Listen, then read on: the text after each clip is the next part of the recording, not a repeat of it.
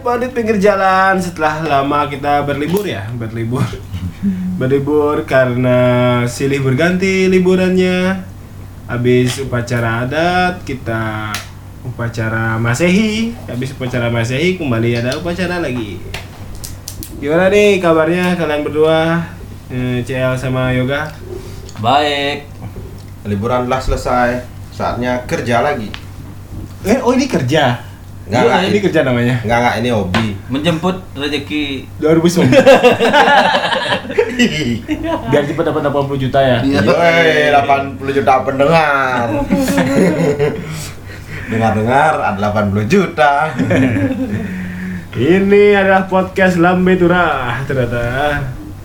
Terus Siap. sudah berapa minggu kita ketinggalan berita-berita yang mencengangkan ini? Yang terakhir kita update cuma masalah gini aja ya yang Gocek menggocek itu. eh, gini apa namanya gibah gibah. menyimpan rezeki doang terakhir. Untuk masalah bola kita ketinggalan banget ini ternyata. Terus ada apa lagi nih? Dari timnas nasional ada berita. Dari timnas eh, ada sudah mulai pemusatan latihan Timnas U22. hari ini ya hari ini. Hari ini. Hmm. Ya Hari hari ini ini oh belum belum belum lewat jam 12. hari ini mulai pemusatan latihan tanggal 7 timnas U22 untuk persiapan Piala AFF. Ada sekitar 30 berapa pemanggilannya? 38 38 pemain berarti itu eh, bakalan disaring lagi kan?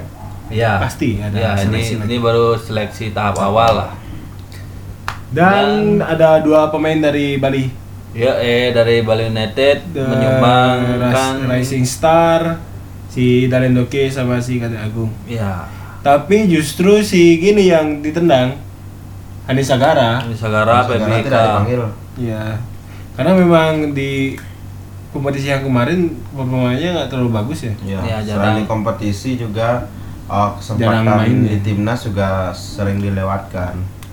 Beberapa kali diberi kepercayaan jadi starter belum bisa dimaksimalkan.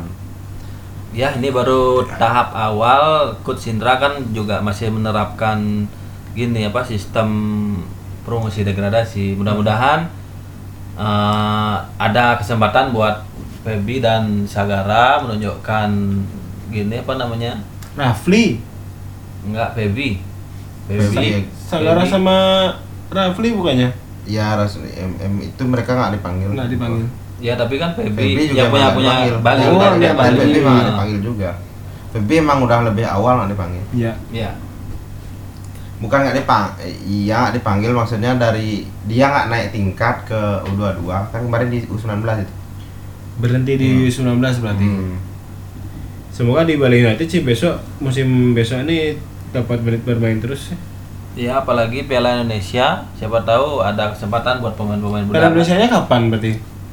Kita jadi lawan Persebaya Resmi ya? lawan Persebaya. Resmi ya. lawan Persebaya. Ya. Hmm. Nah, nggak dapat kesempatan dulu. Non persebaya gimana masa nurin pemain muda? Siapa tahu? Tahu siapa?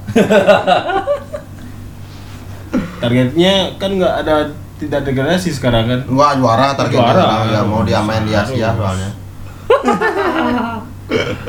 Terus dari timnas itu tim tim pelatihnya Indah Safri tadi ada siapa aja? Untuk staf pelatih ini wajah-wajah baru sih yang banyak ada Baru tapi lama maksudnya. baru di timnas. Baru di timnas tapi eh Mantap. baru jadi pelatih di timnas, lama jadi pemain.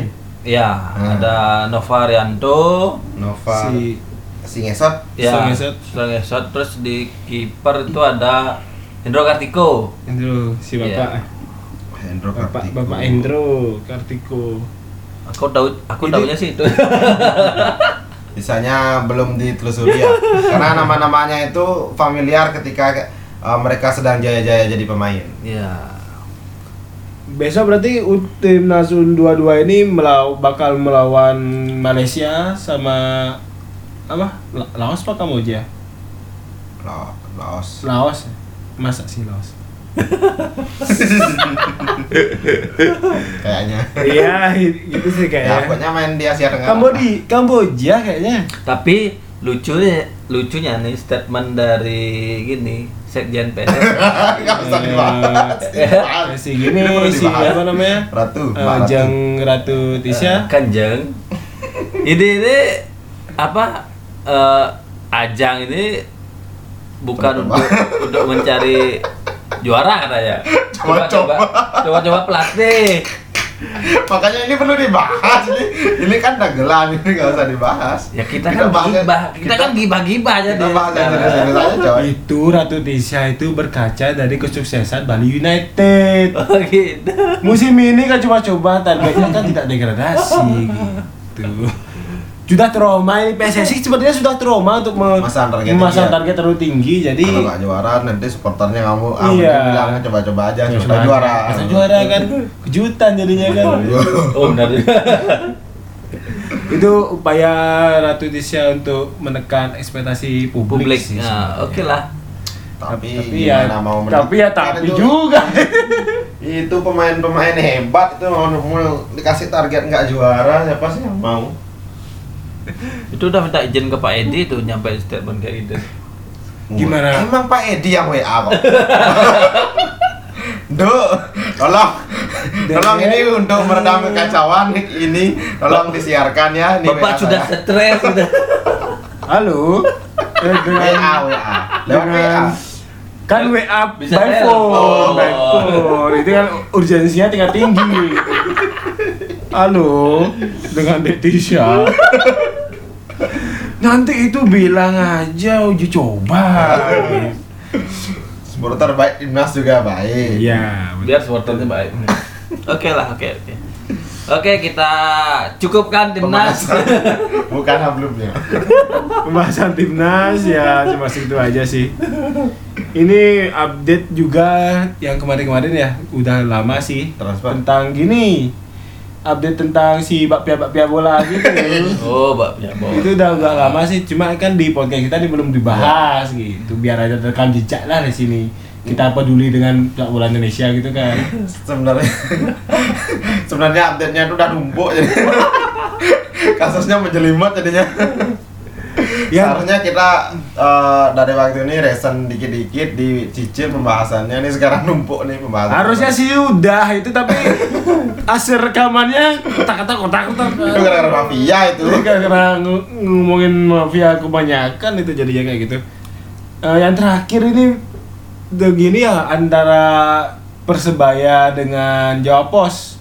Kan- Jadi di ah, Jawa Pos ini mengangkat rubrik bahwa Ada investigasi dari ya, Jawa Pos ya itu investigasi dari Jawa Pos Ketika bahwa Persebaya masih di Liga 2 ya, kemarin. Persebaya terlibat match fixing gitu. Ah. Tapi kan dari pihak Persebaya sudah begini ya. mengklarifikasi Ya semoga nanti dibereskan lah itu biar tidak menjadi bola liar dan opini-opini yang yang tidak bagus berkembang. Kemudian ada gini juga status PSS Sleman yang terancam. Oh iya. Kembali lagi ter- terkait masalah bakpia-bakpia gini ya. Ini ini ma- masalah praduga sebenarnya.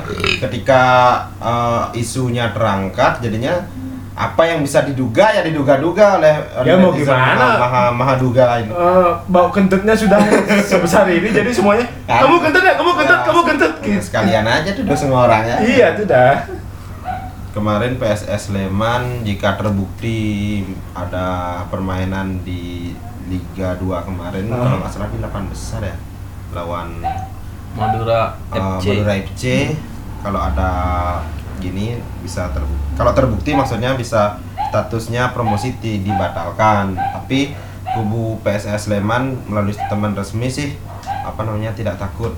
Ya. modelnya kalau memang nggak terbukti ya kenapa takut gitu? Jangan takut kalau kita benar ya, gitu. ya gitu lah jadi siap siap. Kalau saya baca siap apa? Melakukan, Melakukan gugatan. hukum. Nah, melakukan jalur hukum. Ke polisi. Terus yang nangkap Pak, polisi Iya. juga ke pasti polisi apa PSSI polisi. Ini kan ditangani satgas. Tapi jika statusnya dicabut tapi kalau emang nggak dicabut ya nggak nggak ditempuh kan jalur itu? Ya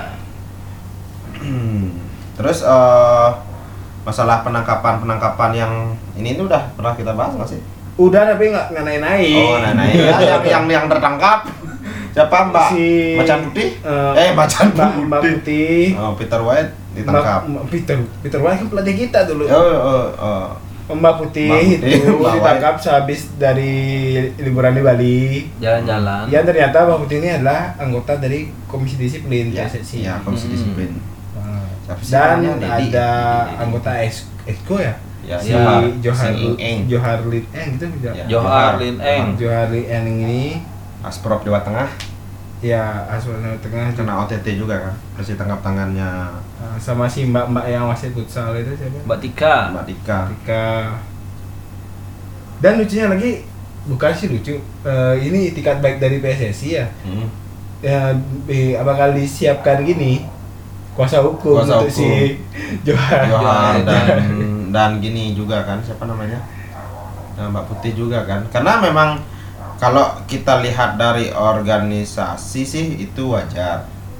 Tapi yang menjadi aneh ketika isunya ini sama kayak ini orang misalnya DPR ah, apa sih? Sebuah buah lembaga yang ketahuan korupsi tapi dibela oleh rekannya seperti itu. Tapi memang sebenarnya sih kewajaran kalau diberi bantuan hukum itu kewajaran itu. Itu tergantung apa namanya uh, deal-dealan antara gini teman-teman di organisasi itu sih sebenarnya.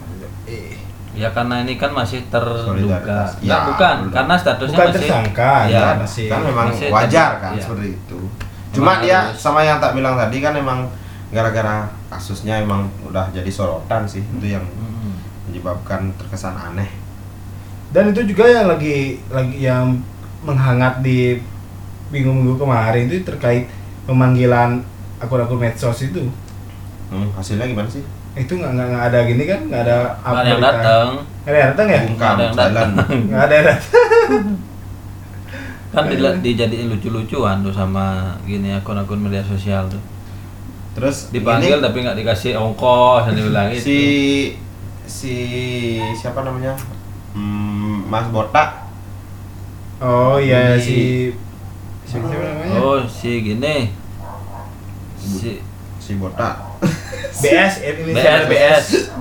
Eh, kan itu dihukum. seumur hidup oleh karena Komdis PSSI kan? oleh Komdis PSSI yang di mana Komdis itu ya, ya gitulah. Ya, karena dianggap melakukan pendekatan ilegal kepada PS Ngada yang terbukti. Buktinya itu diungkap di Mata Najwa. itu dia ngelihat wah ini dari mata udah diungkap dari Mata Najwa ya ya udah jatuhi hukuman gitu. padahal dia merasa saya tidak ada diperiksa oleh Komdis kok bisa dijatuhi hukuman lucunya sih itu Bambang Suryo, Bambang Suryo. ya Bambang Bambang Suryo. Suryo. Ah, Bambang. dan Bambang Suryo sendiri langsung menempuh jalur hukum lewat kepolisian Ya itu kan cara saya. Kalau saya mau jadi malik, saya mau saya mau nangkap malik, saya mau jadi malik dulu. Ya, cari Pembelaan. cari di YouTube aja Terus ada nih yang yang digembong-gembong dari awal. Dari matanya jadi mata Najwa jilid Satu, pertama Mata terus, Najwa, gitu. eh, terus jilid kedua juga dibawa si Pigit Waluyo. Juga Ketangkap. kena kasus hukum tapi menyerahkan diri kan? Ia menyerahkan diri tapi dengan kasus yang berbeda. yang berbeda.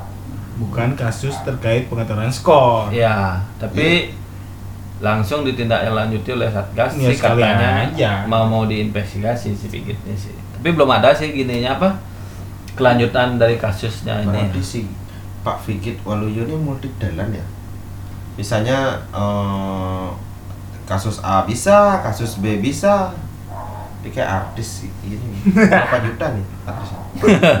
Lo 100 juta? tembus Eh. 80 tembus 80 Tembus. Oh kalau Pak Fikir 80 juga ke VV. Terus eh, apa lagi nih berita? Bapia Bapia udah, udah, udah, kayaknya udah, udah udah itu udah udah Soalnya ini kita kan. apa namanya kita seperti membicarakan hal-hal yang tidak terlihat gitu loh. Ah. takutnya salah ngomong lagi nanti. ya Biar nggak terjadi sebuah pencemaran nama baik dan fitnah. ya kita tunggu aja hasil dari kinerja satgas kepolisian terkait Bapia Bapia bola ini Dan eh, apa namanya wakil wakil ketua satgas sering berkicau juga masalah ini. ya eksis banget tuh bapak tuh pak dia Ya. ya orang salah satu supporter timnas Indonesia dalam cita sepak bola juga kan bagaimana kecewanya pasti ngerti lah. Yuk pindah. Pindah ke masih di seputaran Liga 1. Ya, masa kita ngomongin Liga 2? Iya, Liga 2 kan udah lagi nih. Eh, oh iya, kita bu- ucapkan selamat dulu ke Persik Kediri Persik yang Kediri, menjuarai Liga 3 dan eh, gini apa promosi ke Liga 2. Mudah-mudahan musim depan juga promosi ke Liga 1. Semoga nggak menggantikan Bali United ya. Lo Bali United kan sekarang Target targetnya juara. juara. Berarti udah aman dari degradasi berarti. Iya, udah aman, udah BO kan. Suruh BO, Nah. Bukan BO, PO. PO, PO. Bali United, eh Bali United. Sriwijaya FC aja yang targetnya juara tuh degradasi kok. Iya. Target kan belum tentu. Ini dari em, tentang kick off Liga 1. Kenapa lagi? Itu ada kemungkinan katanya liga bakal mundur sampai bulan Mei. Bulan Mei. Berarti berarti habis puasa berarti ya? Bisa jadi habis puasa. Eh, bukan habis puasa, berarti Habis itu lebaran. menjelang menjelang menjelang puasa bukan itu. Bukan. April puasa. April puasa. Eh, iya. Mei, Mei. Mei puasa. Ya. Kenapa nggak sekalian nunggu puasa selesai? Nambah-nambah dong. Ya habis itu tunggu kalungannya. nggak mulai-mulai liganya ini. Kita juga nggak ada bahan jadi ya kan. Eh. Lima bulan ke depan mau ngapain ini? Ramen aja. Men, bahas aja itu terus transfer transfer dan lain-lain itu terus. Tapi kan banyak udah eh, tim-tim Liga 1 yang eh, apa namanya merampungkan transfer untuk musim depan. Ya. Walaupun kepastian jadwal tidak ter- terlihat, Jangankan kepastian jadwal, beberapa tim aja kepastian pelatih juga nggak jelas itu. Sudah berani ngontrak pemain kan?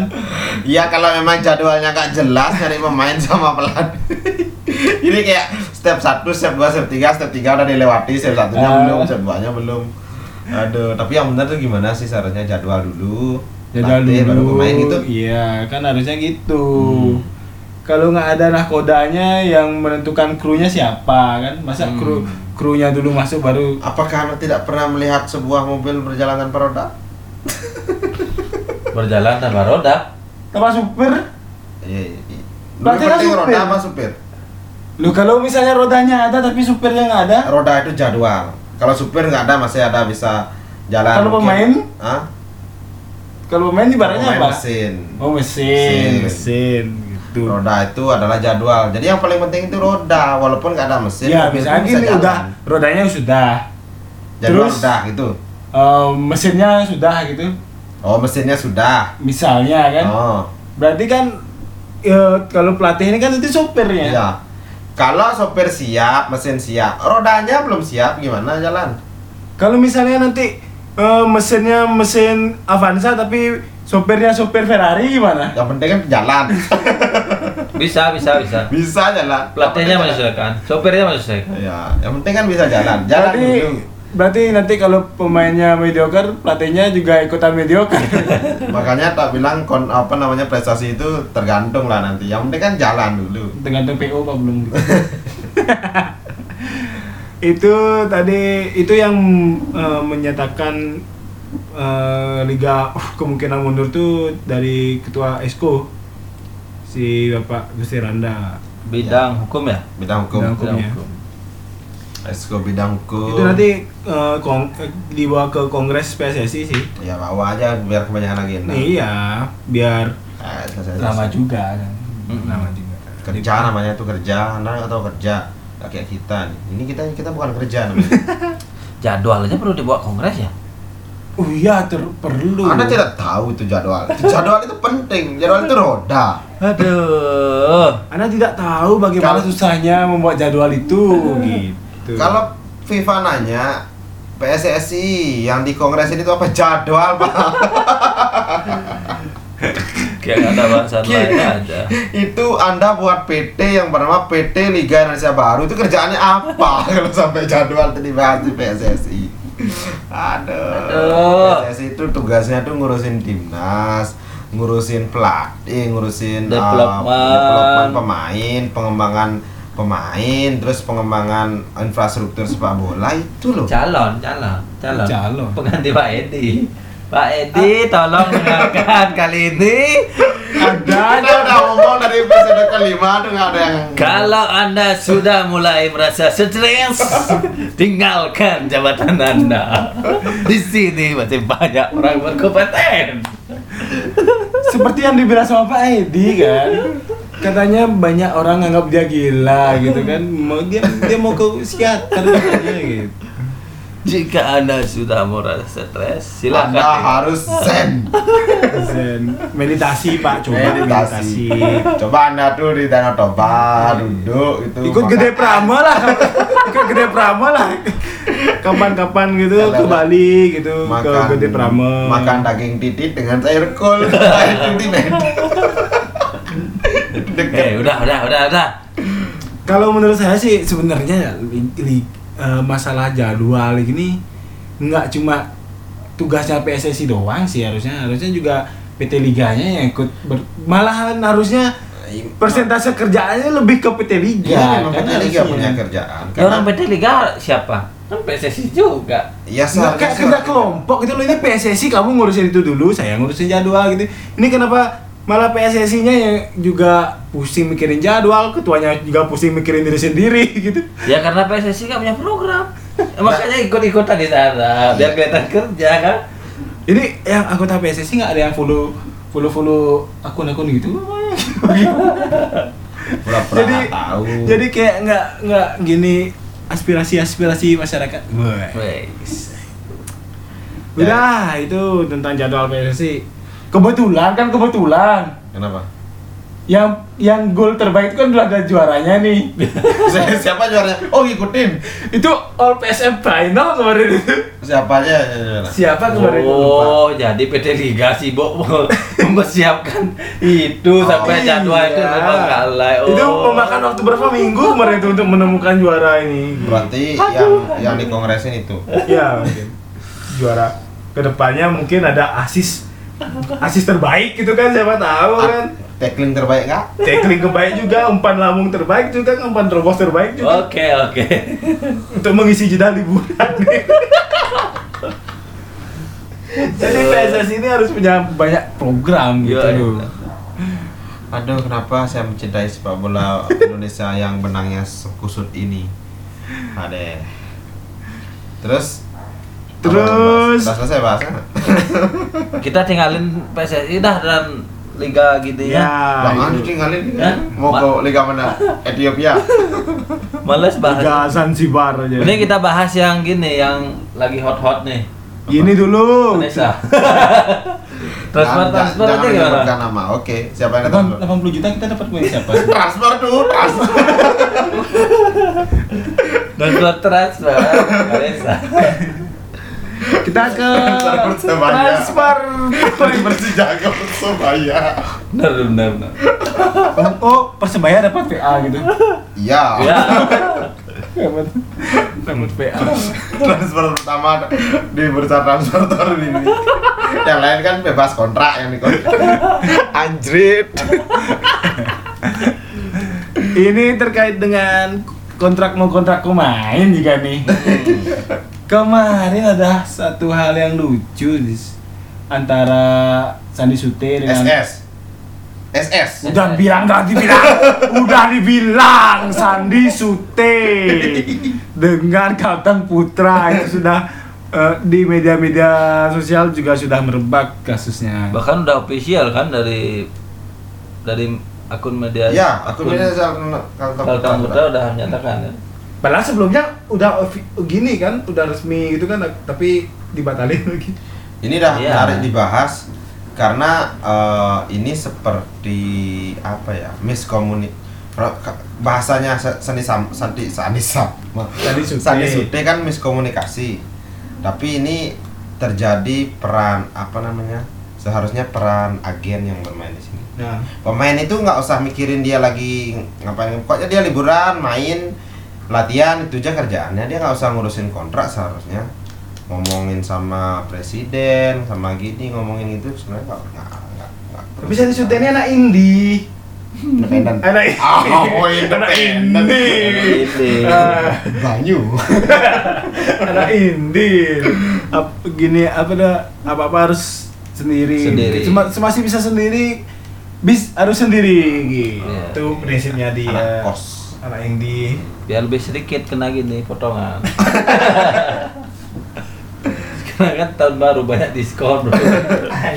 Tapi harusnya sih kalau melihat gini apa kiblat sepak bola Indonesia yang sudah mulai ke mengarah ke industri, Industri. dan mulai Ah. mengarah ke profesional benar pemain tuh harusnya nggak lagi seperti yang dibilang sama Yoga ikut campur masalah apa namanya nih Non teknis non teknis misalnya. dia fokus meningkatkan skill apa yang bisa dijual oleh dia biar biar yang mempromosikan dirinya itu adalah seorang profesional profesional Gitu. apalagi pemain sekelas Liga 1 kemudian bekas eh, apa namanya timnya kemarin jadi juara kan Iya. otomatis dia nggak usah bilang saya perlu uang segini tuh kayaknya sih tim-tim Liga 1 sudah tahu tarifnya seberapa bahkan eh, coach Indra Sapri pun pernah ngomong kan pas pas eh, tim nasional angkatannya Evan Dimas. Mm-mm,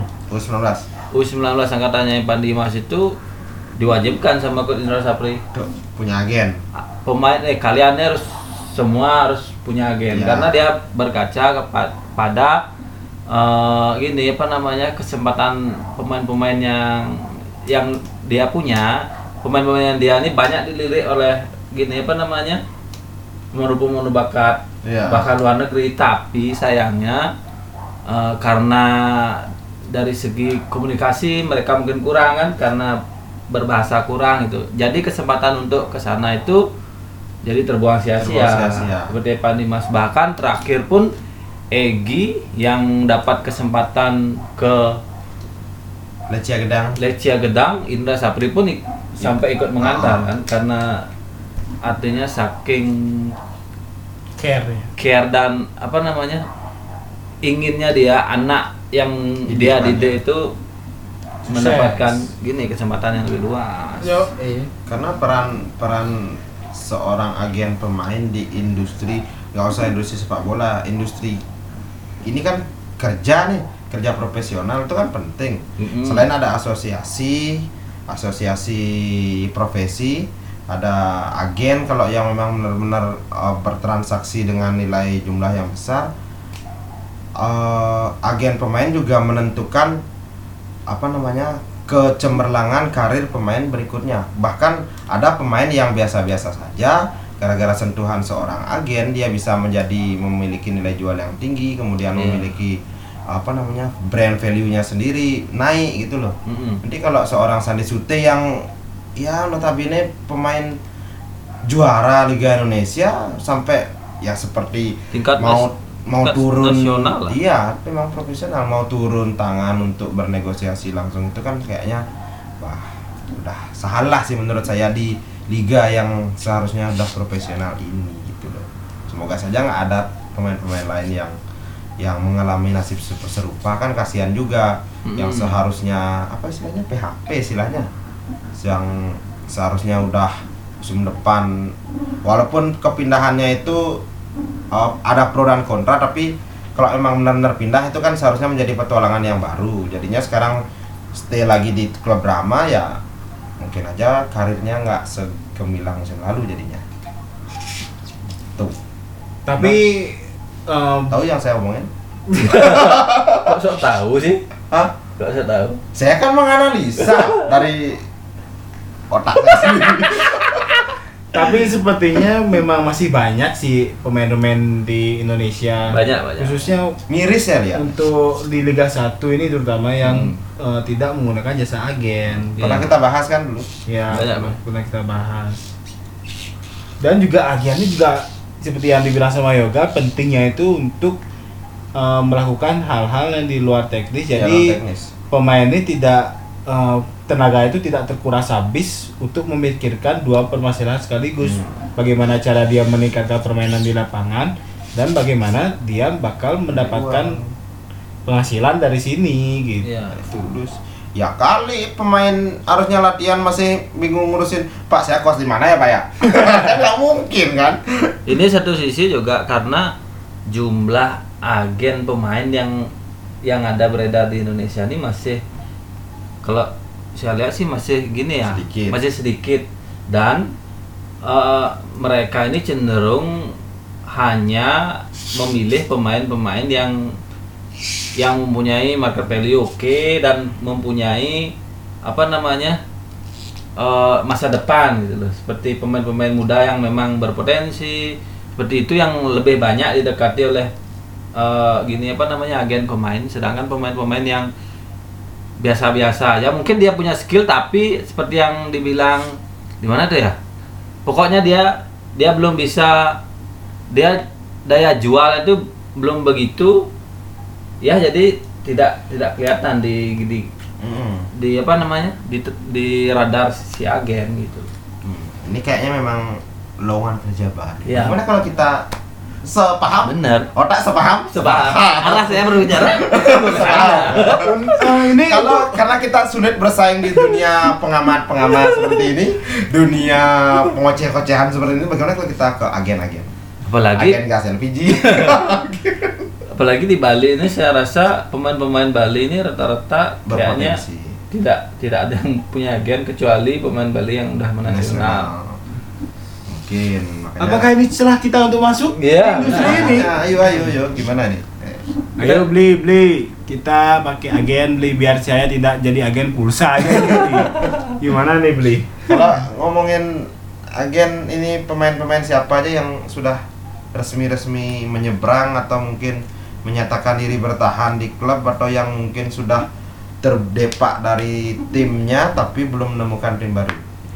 Kalau yang kemarin di bursa transfer di di jeda kompetisi di Indonesia ini yang paling gercep banget itu Madura United. Madura Ya, Madura. Gercep banget. Padahal belum punya gini kan, belum punya pelatih kepala. Pelatih. Belum belum punya Belum Ya, punya pasti. pelatih kepala. belum punya apa namanya sopir dah beli mesin. Iya, belum udah beli mesin. Contohnya besok supirnya supir truk gitu. Siapa aja yang gini?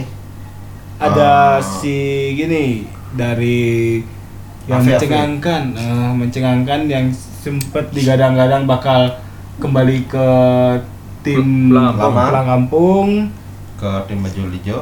ternyata nyebrang lewat Ya. Suramadu Hmm. Ternyata katanya macet di Surabaya. Hmm. Jadinya loncat aja. Sepertinya pengen lebih mencoba bebek sinjai Bebek kayaknya. sinjai. Bebek sinjai. itu ada Andik Firmansyah yang memutuskan berlabuh ke Madura United, United. Madura dan dengan klausul yang unik ini Gimana kalau sudah? kalau nanti Madura United melawan Persebaya dia tidak akan bermain. Hmm, jadi bonek dia. Iya. tapi menurut tapi menurut kalian berdua itu secara apa Profesionalitas, Hah? profesionalitas. Iya itu gimana sih? Wajar sih di Eropa wajar. Sah-sah aja sih maksudnya klausul-klausul gitu tuh Terakhir yang penting terjadi kesepakatan antara dua belah pihak. Tapi dari- tapi biasanya yang yang kalau kas klausul seperti ini kalau ada pemain yang dipinjamkan Waru. ya pemain yang Iya. dipinjamkan tidak bisa bermain melawan pemain Tim gini eh, ya, tim tim tim, asal. asalnya Mm, ini nggak tahu nih ini dipinjamkan atau gimana statusnya karena kontraknya dia dua tahun sih enggak, kalau ini kan udah Kontrak resmi ini. di kontrak. iya itu dah kontraknya ini kan dua tahun nah maksudnya pinjam di bawah tangan atau gimana kan nggak ngerti lah maksud saya Oh. pinjam ya pinjam dulu adiknya saya pakai main gitu ya sampai juara Tapi sih, menur- menurut saya sih janggal gitu loh, karena kenapa?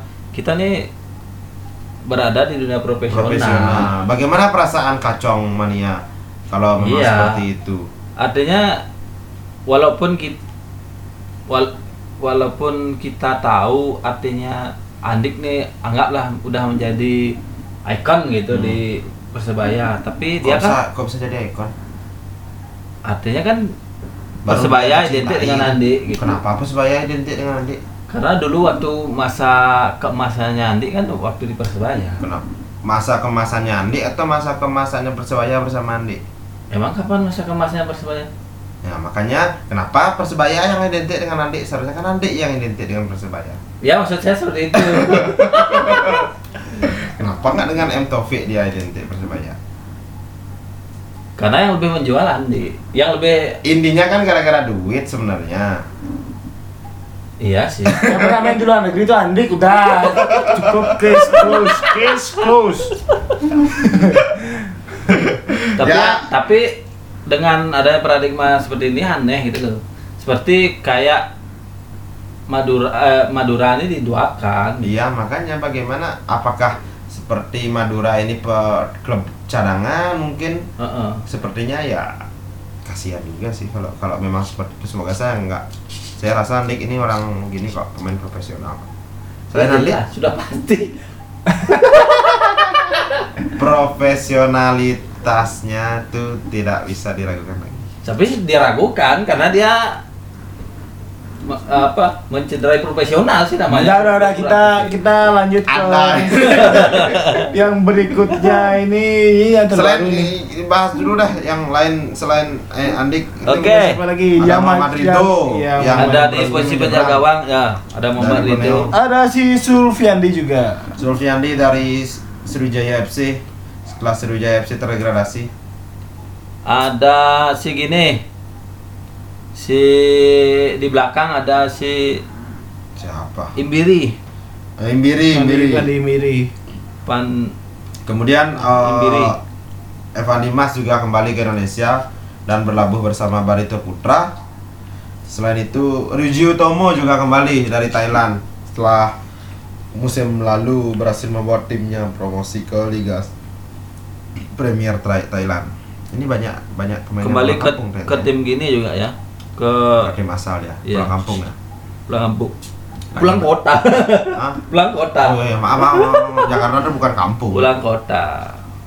Kemudian eh, di apa namanya di sektor pelatih yang sudah sudah resmi sampai sejauh ini udah ada beberapa tim sih.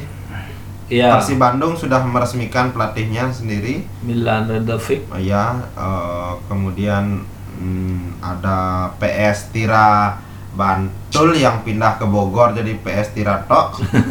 ini udah meresmikan juga Rahmat Darmawan sebagai pelatihnya. Ini ngeri sekali sih sebenarnya PS Tira. Mungkin Ahmad Darmawan lebih ke ikatan gini ya. Ikatan Ikatan. profesinya kan Heeh.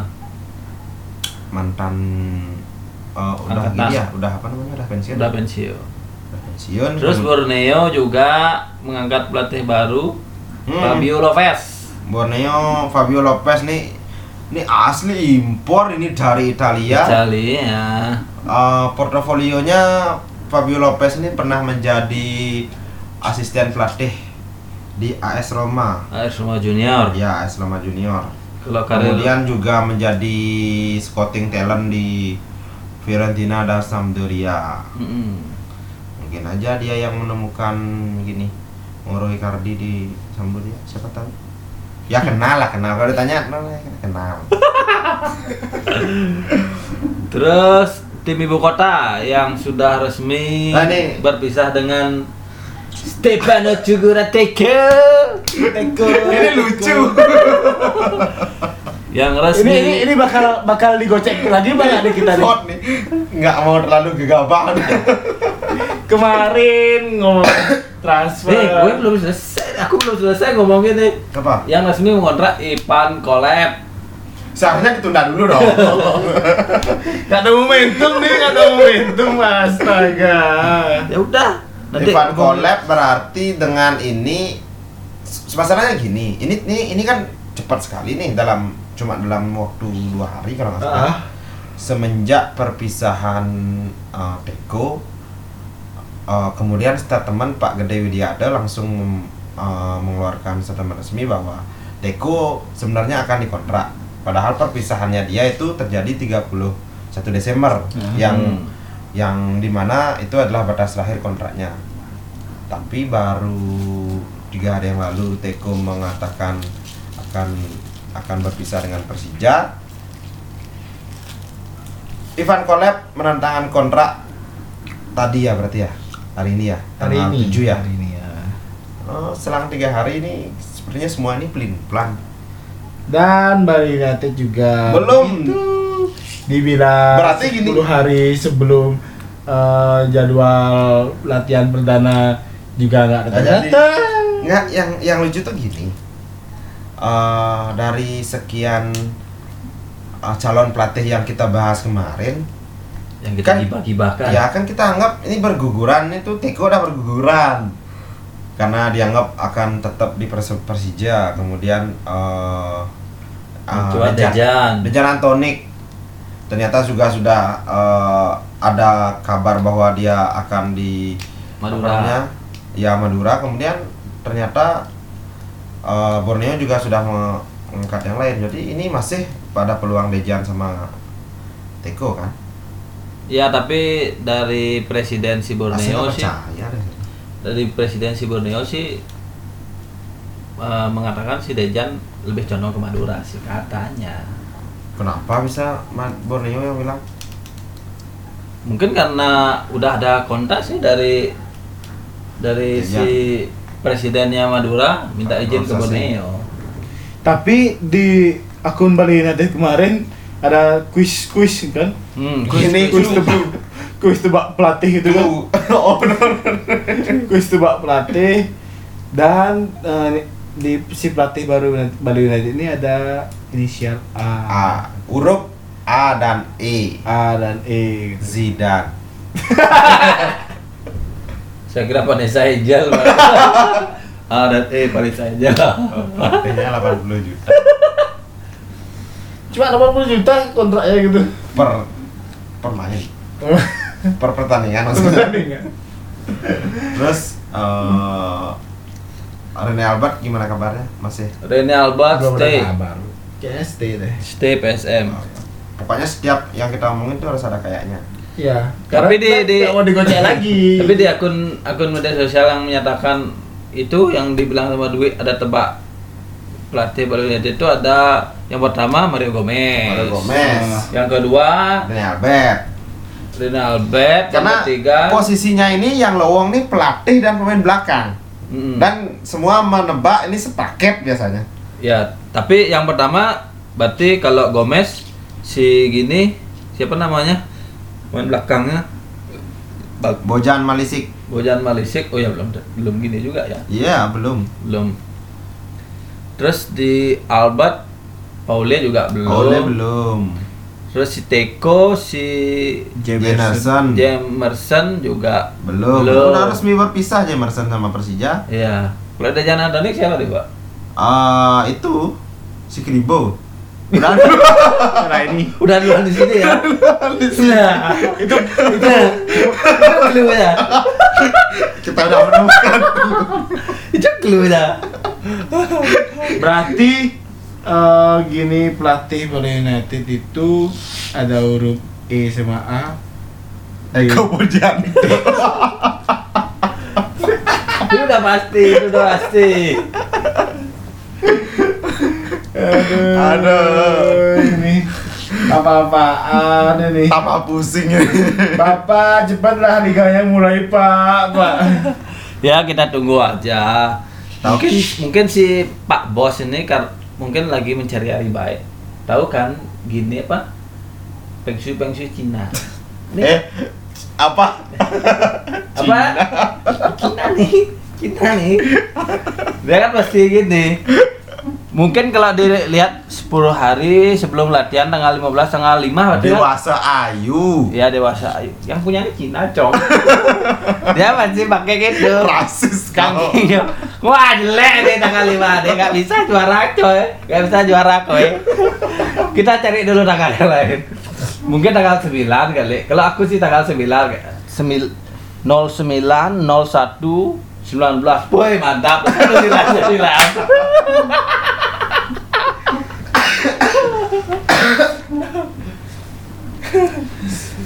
Omongan apaan ini? Ini podcast Feng Shui. Aduh, ada update apa lagi nih? tapi dari transfer pemain ada lagi Siapa? Sebenarnya sih banyak sih sama si gini di Persija juga mengontrak pemain yang mantan pemain apa namanya itu? Aduh, lupa kemarin. Yang gini sih. oh sih Eh, bukan Borneo Bruno yang Matos, Bruno Matos. Bruno Matos uh, udah resmi itu Udah, udah, udah, Udah, udah, udah udah, resmi. udah resmi, udah resmi. oh Playmaker tuh ya? ya iya. pemain Dari Brasil kan Brazil yang main di PKNS Malaysia tuh. Di ya. Dan saya heran dengan apa namanya eh, kalau kita anggap Persija ini kan tim juara. Juara berarti komposisi pemainnya itu sebenarnya bukan pemain sembarangan kalau kita lihat dari musim lalu.